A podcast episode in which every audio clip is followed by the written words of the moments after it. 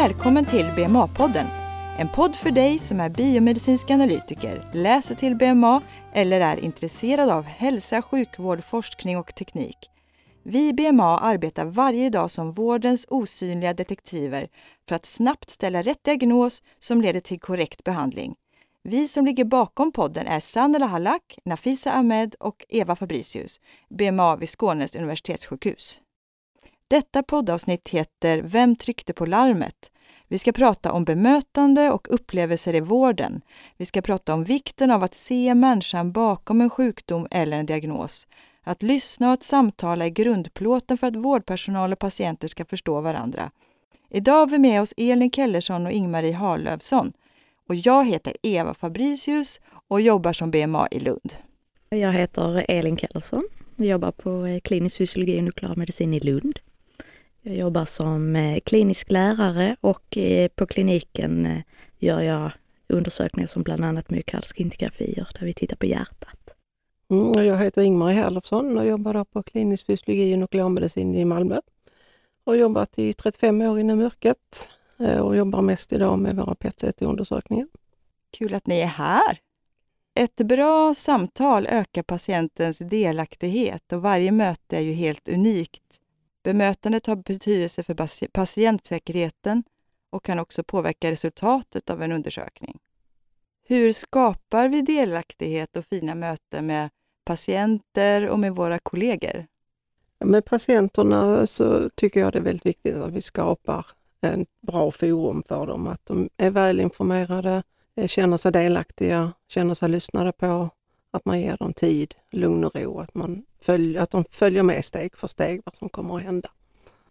Framförallt att man skapar ju sitt, eh, sin grund för bemötandet redan när man hämtar patienterna, kanske i väntrummet. Att man eh, är trevlig och, och eh, tittar på patienten som man kallar in och säger hej och välkommen. Skapar oftast eh, goda förutsättningar för att patienterna ska våga säga om de är oroliga till exempel. Förtroende känns ju som en nyckel, en nyckel i mötet. Det är nog den viktigaste. Ja. Precis. Och sen precis som du säger att man under eh, mötets gång är tydlig eh, vad vi ska göra och varför. De känner att de har fått informationen som är viktig för dem. Och när det gäller mot sina kollegor säga hej på morgonen, att man ser varandra. Vi måste skapa en bra grund för hela dagen och det är ett jättebra sätt att man ser, säger hej, god morgon. Ja, man måste inte må på topp för att eh, le och säga hej. Det skapar eh, en miljö som är, är trevlig att arbeta i. Och på något sätt en tillåtande miljö, att det är helt okej, okay, som du säger, att inte vara på topp en dag. Men alla vet att man gör precis det man kan och sitt bästa. Och att, eh, ja, en tillåtande miljö. Ja. Det här med respekt, hur tänker ni där? Och den är också viktig. Du måste ha respekten och tilliten till varandra. Att man kan jobba som ett team runt patienten och kring arbetsmiljön. Att du får hela kugghjulet att fungera. Ja, att man vågar lita på varandra. Om jag ska gå och göra någonting utanför rummet, att mina kollegor kan eh, informera eller ta hand om patienterna på ett bra sätt. Att man tillåter sina kollegor att tro på varandra, respektera den eh, kunskapen som vi har du som är kliniklärare, hur mycket kan man eh, läsa sig till detta eller är det någonting som man lär sig på vägen? Jag tror att mycket har man med sig, men det allra mesta är nu mycket av klimatet man befinner sig i. Jag tänker på studenterna ser ju hur vi arbetar på kliniken och det är vanligt att man tar till sig och kanske härmar beteenden. Så har man ett bra klimat på kliniken så kommer man att anamma det och utveckla det till ett, ett bra arbetssätt som man själv använder sig av i framtiden. Grunden är ändå att man måste vilja. Mm. Att du måste vilja lära dig. Att du lär dig från varje situation som händer. För man råkar ut för saker genom, genom åren man jobbar. Men har man en vilja att alltid ha ett gott bemötande så kommer man långt i de flesta situationerna. Ja, och man lär sig mycket eftersom, alltså även om, om jag skulle säga att jag i det mesta i alla fall har ett gott bemötande så kan det ju vara så att något tillfälle så blir det inte som jag hade tänkt mig. Men jag måste kunna tänka efteråt eller analysera vad, vad hände? Är det något jag kan ta med mig i framtiden? Och det kunde jag känna under utbildningen att det var väldigt lite just om bemötande och, och patienten. Vad Har ni tankar kring det? Skulle man ha in mer i utbildningen? Nu kanske det ser annorlunda ut idag i och för sig. Det är ingen jättestor del, men det pratas om bemötande och empati, bland annat när man pratar om eh, patientsäkerhet, sekretess eh, och den biten. Ingen jättestor eh, del i utbildningen för att det är så väldigt kort del av de här tre åren som man ska läsa om då till exempel klinisk fysiologi som vi är inriktade mot. Och då, då hinner man liksom inte baka in väldigt mycket av det, utan man fokuserar på metoderna och teorin bakom metoderna.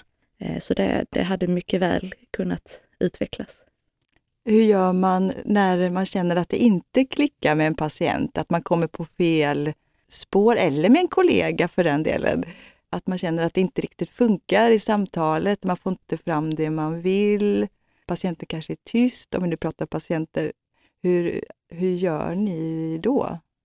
Alltså man måste ju i första hand backa tillbaka sig själv och säga, kan jag ändra mitt sätt här mot denna patienten så de förstår vad det handlar om vad vi ska göra. Många gånger är det en oro som gör att de lite stänger, eh, slutar lyssna och då man får säga att man kan nå dem på något annat sätt. Känner man att man inte når så får man kanske be en kollega om hjälp. Men ändå på ett värdigt sätt så inte patienten känner sig att den blir kränkt. Eh, utan man försöker göra det snyggt och lämna över. Kanske finnas kvar ändå men att det kommer in en till så att det ser naturligt ut. För att kunna få genomföra undersökningen som är viktig för patienten i de flesta fallen. Ja, och i vissa fall så är det viktigt att man inte pratar i mun på varandra om man är två stycken eh, inne på rummet med patienten, att man får prata klart och att man kan bekräfta med patienten att man tittar på dem till exempel. Om de ser ut att ha förstått. Man kan ställa en, en, en fråga som för att svara på att de har förstått det man har sagt. Och ibland behöver man göra det mer och i andra fall mindre. eh, vad händer om ni hittar något som är patologiskt? Hur tänker ni i sådana lägen, där, där ni själva kanske också blir oroliga? Alltså i, I de flesta fallen så eh, är det ju inte vår uppgift att förmedla den informationen till patienterna. Men i de få gånger när det blir att här måste någonting åtgärdas med detsamma, då måste man ändå ha hjälp av någon av läkarna. För det är de som har det medicinska ansvaret. Och sen försöka lotsa patienten igenom det här med hjälp av läkaren. Hålla lugnet mm. och att förklara för patienten att jag har inte kunskapen kanske som krävs för att svara på om detta är, är patologiskt eller inte, men jag skulle vilja få en second opinion av en läkare så att jag eh, kommer komma tillbaka till exempel eh, med en läkare som kan förklara. Inledningen på avsnittet där, vem tryckte på larmet? Att hur, hur känner ni när ni har hamnat i sådana situationer att en patient faktiskt blir så dålig så att ni eh, måste trycka på det där larmet och ni kanske själva är inne på rummet med en patient som har blivit jättesjuk. Hur tänker ni där? Hur behåller ni lugnet? Alltså man måste fortfarande behålla lugnet gentemot patienten. Försöka och förklara att vi ser att du mår inte bra och att mm, vi ska hjälpa dig så mycket vi kan.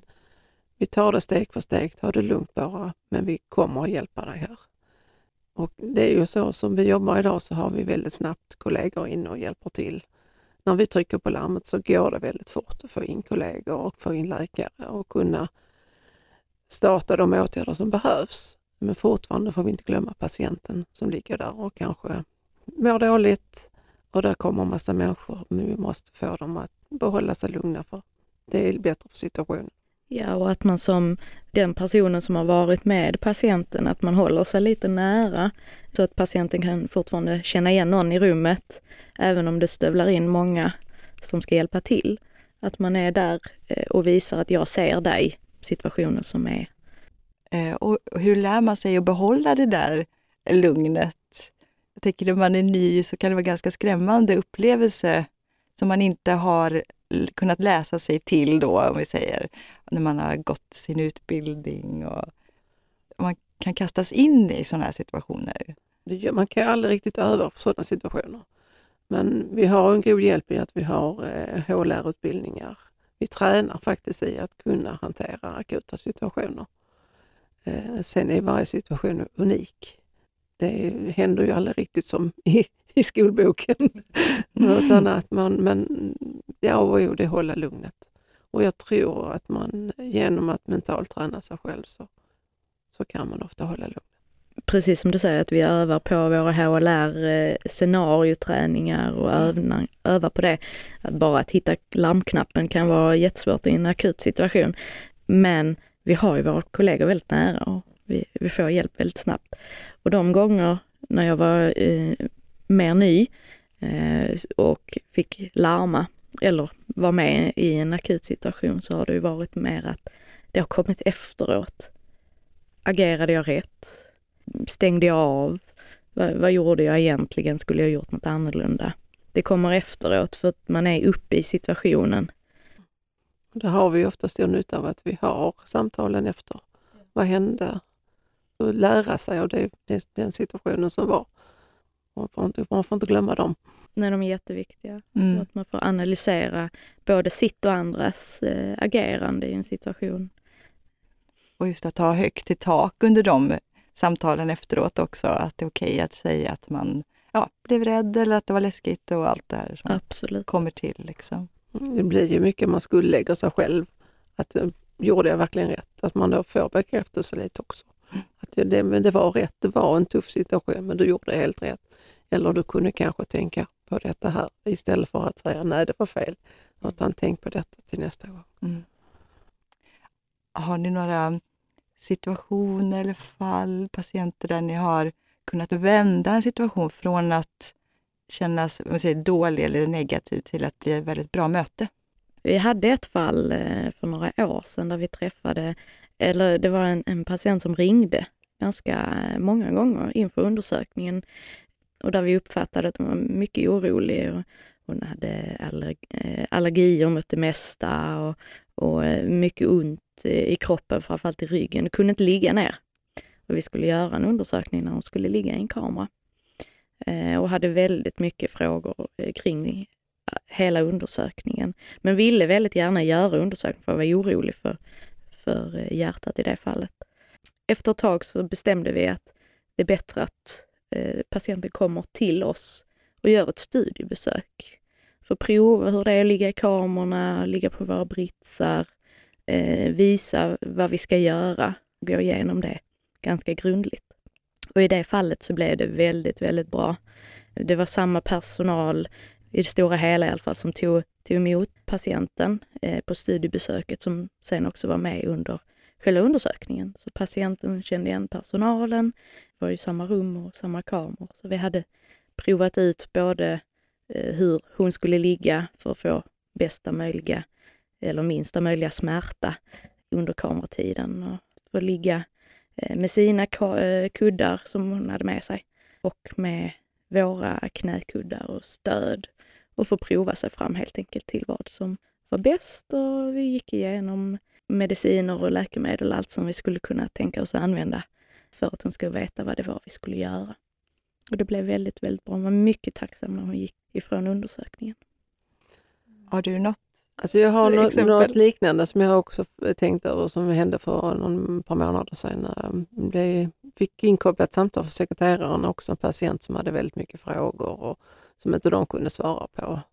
Så jag hade ett långt samtal med patienten och i grunden har han en panikångest och klaustrofobi och var väldigt orolig, ängslig för vad som skulle hända och han, jag kräver lugnande, sa han. Ja, så, men jag måste veta vilka läkemedel du tar och försökte intervjua honom. Vad är det som du tycker är jobbigt? Och hela biten för att kunna liksom ta reda på vad vi skulle kunna hjälpa honom med. Och jag pratade med våra läkare, vi kan ge honom det och detta. Och så jag, hade, jag tror jag satt i tre kvart och pratade i telefonen bara med honom innan. Så avslutar man sig, ja det var ju trevligt att prata med tar du hand om mig när jag kommer? Ja, så det kan jag inte lova idag. Det är ju helt beroende på var jag finns den dagen så att säga. Men vi, jag ska se vad vi kan göra.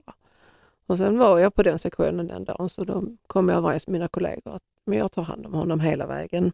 Det är mycket förberedelser och Det tar en halvtimme i kameran och det är mycket som ska hända. Och när jag kallar in honom och presenterar mig då, liksom, för han hade inte träffat mig innan, men han bara, så blev jag jätteglad att ja, men vi har pratats vid. Då slapp han dra hela sin historia igen. Jag visste vad han hade bekymmer med.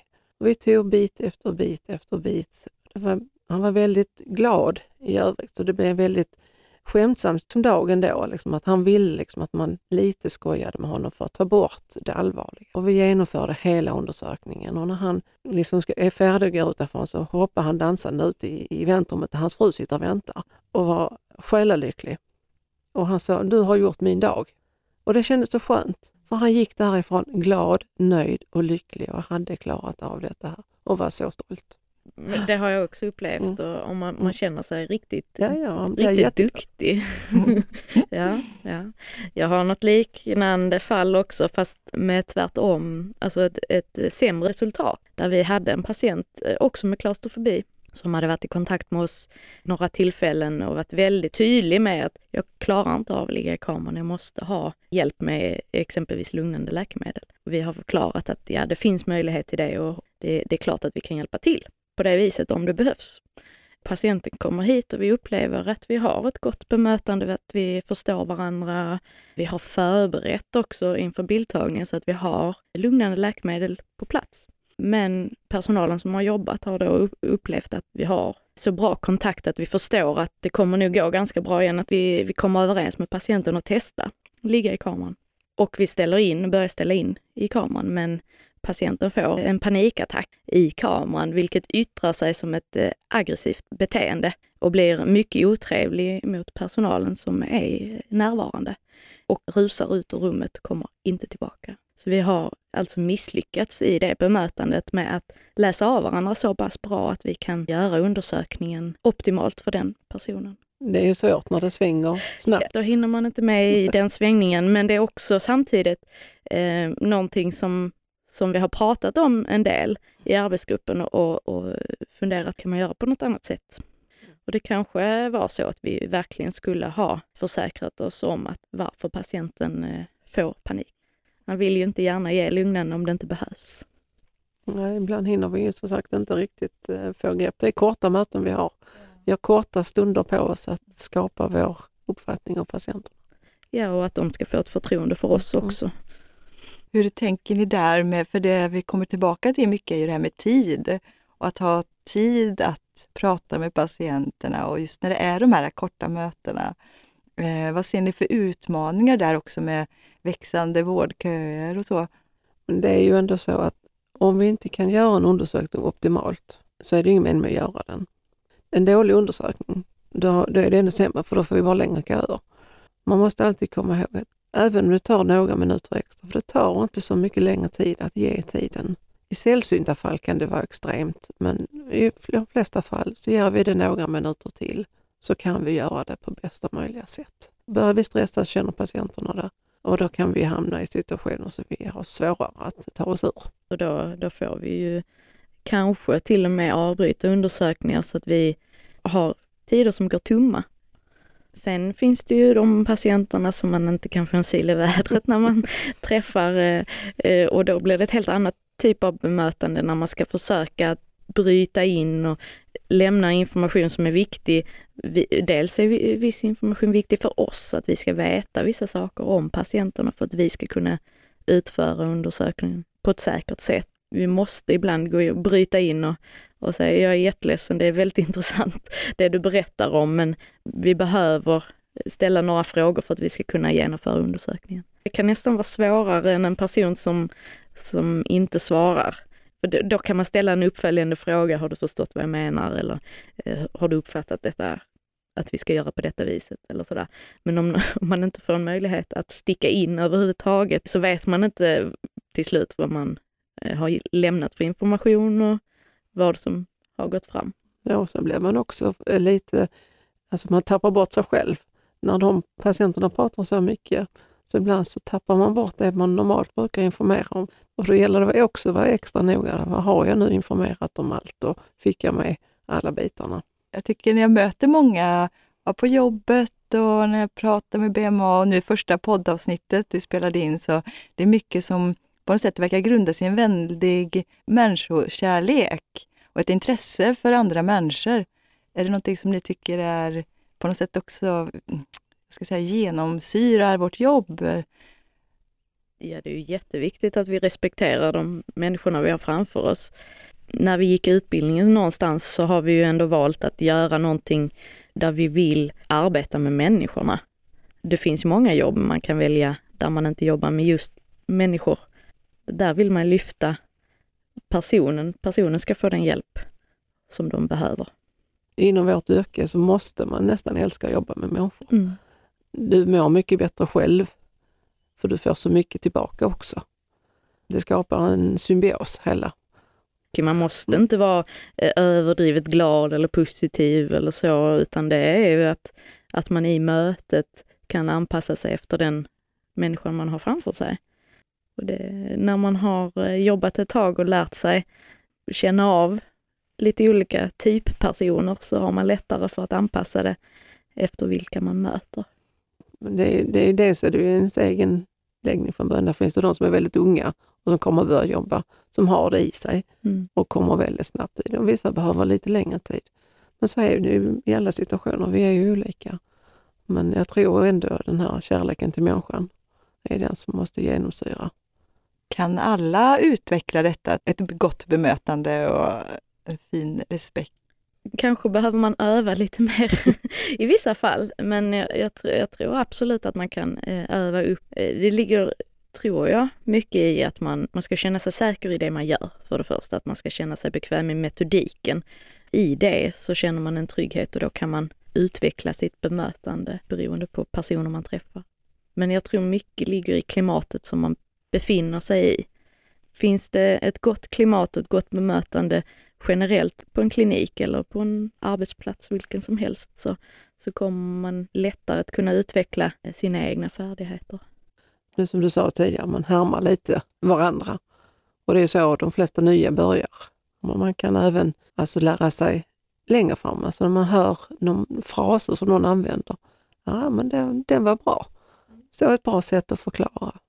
Man, man inte blir statisk i sitt tänk utan att man kan, faktiskt kan förändra och känna att ja, det här var nog bättre.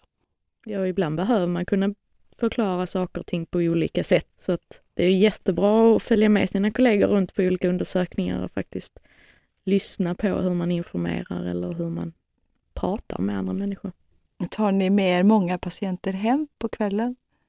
Nej, väldigt Nej, sällan. väldigt sällan. Ja. Alltså, det kan vara alltså snarare personen ibland så, som engagerar en på ett sätt. Men oftast så måste man kunna släppa jobbet när man går hem. Annars orkar man nog inte, utan man måste släppa det och så en ny dag, imorgon är en ny dag. Ibland så kan det väl vara att man behöver eh, tänka till kring en situation och ibland kan jag tänka, skulle jag kanske uttryckt mig annorlunda för att få ett bättre utfall.